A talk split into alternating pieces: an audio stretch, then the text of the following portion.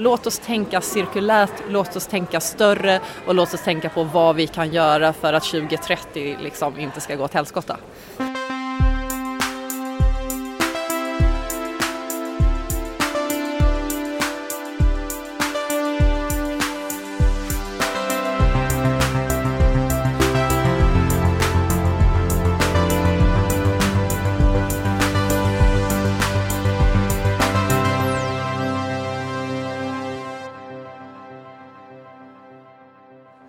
Välkommen till Framtiden. Vi är på Södertälje Science Park på Matlust-eventet 2020.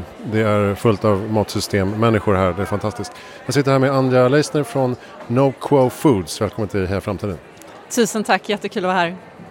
Eh, du var ju precis på scen och eh, ja, pitchade nästan kan man säga eh, er affärsmodell. Berätta, vad är NoQuo Foods? Eh, jag pitchade, det var en arbetsannons, vi har hit folk som kommer och jobbar hos oss. NoQuo Foods, vi eh, vill omdefiniera våra favoritlivsmedel och vi vill göra det på ett hållbart sätt som kommer vara bra för miljön och för kroppen. Vi börjar med ost. Varför just ost? Därför att i Sverige konsumerar vi över 200 000 ton ost per år och de alternativen som finns ute på marknaden är under all standard om du inte vill äta animalisk ost. Så att det ligger på 0,5 procent av den, vår 34 miljarders ostmarknad i Sverige och det är inte tillräckligt bra. Vi kan göra bättre. Och hur gör ni det då? Vad är er ost tillverkad av?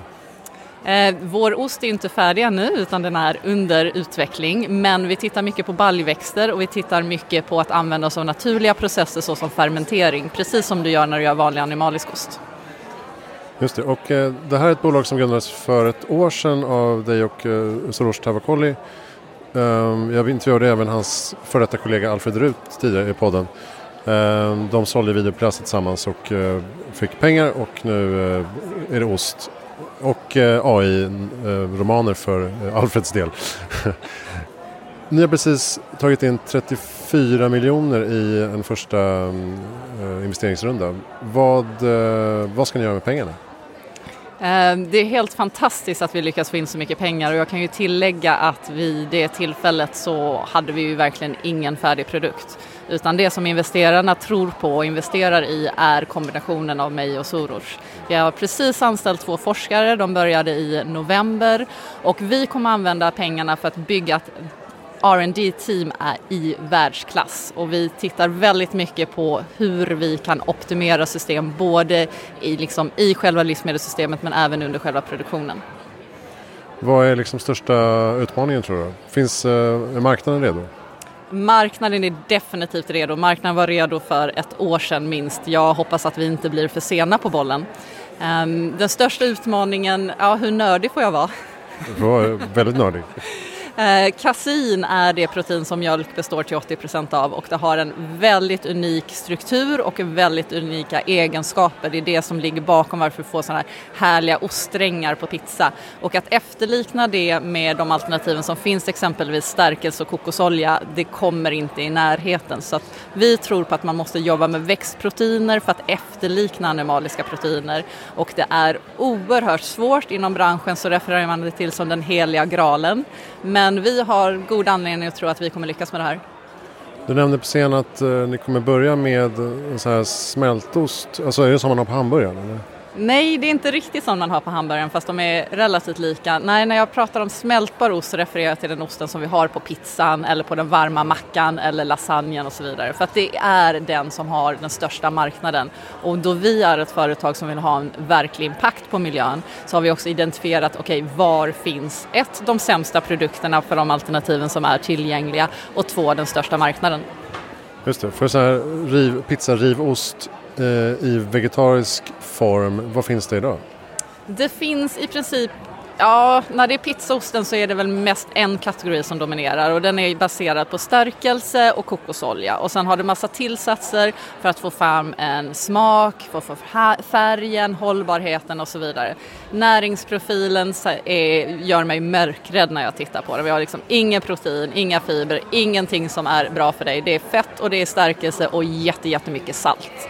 Och det, de, de beter sig, hade de åtminstone betett sig som man ville, hade du fått de här härliga strängarna liksom på, på pizzan, då hade, då hade man kunnat vara helt okej okay med att ost inte var så nyttigt för pizzaost måste inte nödvändigtvis vara jättenyttig. Men det känns som att du har ätit ett ett serat efter du har ätit pizza. Du liksom, oljan släpper, det är liksom tapetklister kallar många, alltså det liksom man bara tuggar och tuggar, det försvinner inte.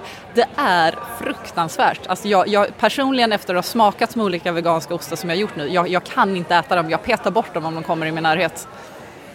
Du var inne på det där, men varför är det så svårt att göra bra veganska alternativ? Då? Det, är det just eh, textur som är nyckeln? Jag skulle säga att med livsmedel så är det alltid smak som är nummer ett. Smak, smak, smak, smak, smak. Men i det så ingår ju själva liksom smakupplevelsen så texturen ligger och munkänslan hänger ju väldigt mycket ihop med liksom vad vi upplever för smak på någonting.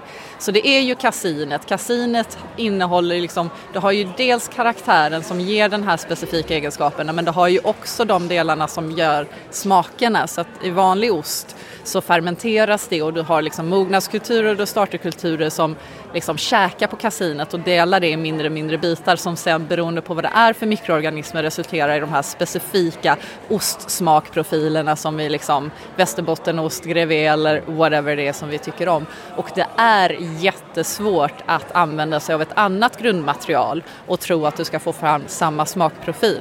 Så då måste du ju titta på, om du är intresserad av fermentering, titta på vad det finns för mikroorganismer som kan jobba med ditt grundmaterial.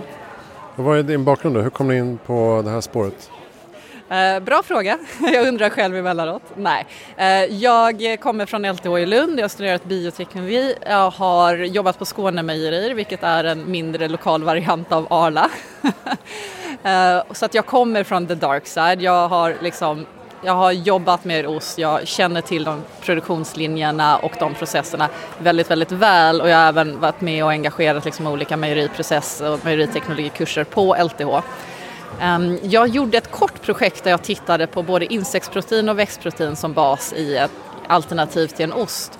Och insektsproteinerna jag tror på den applikationen i andra sammanhang men inte så mycket i ost. Men däremot växtproteinerna, I was blown away. Det fanns en sån enorm potential. Så efter de här tre månaderna på halvtid så sitter jag där med 20 000 idéer.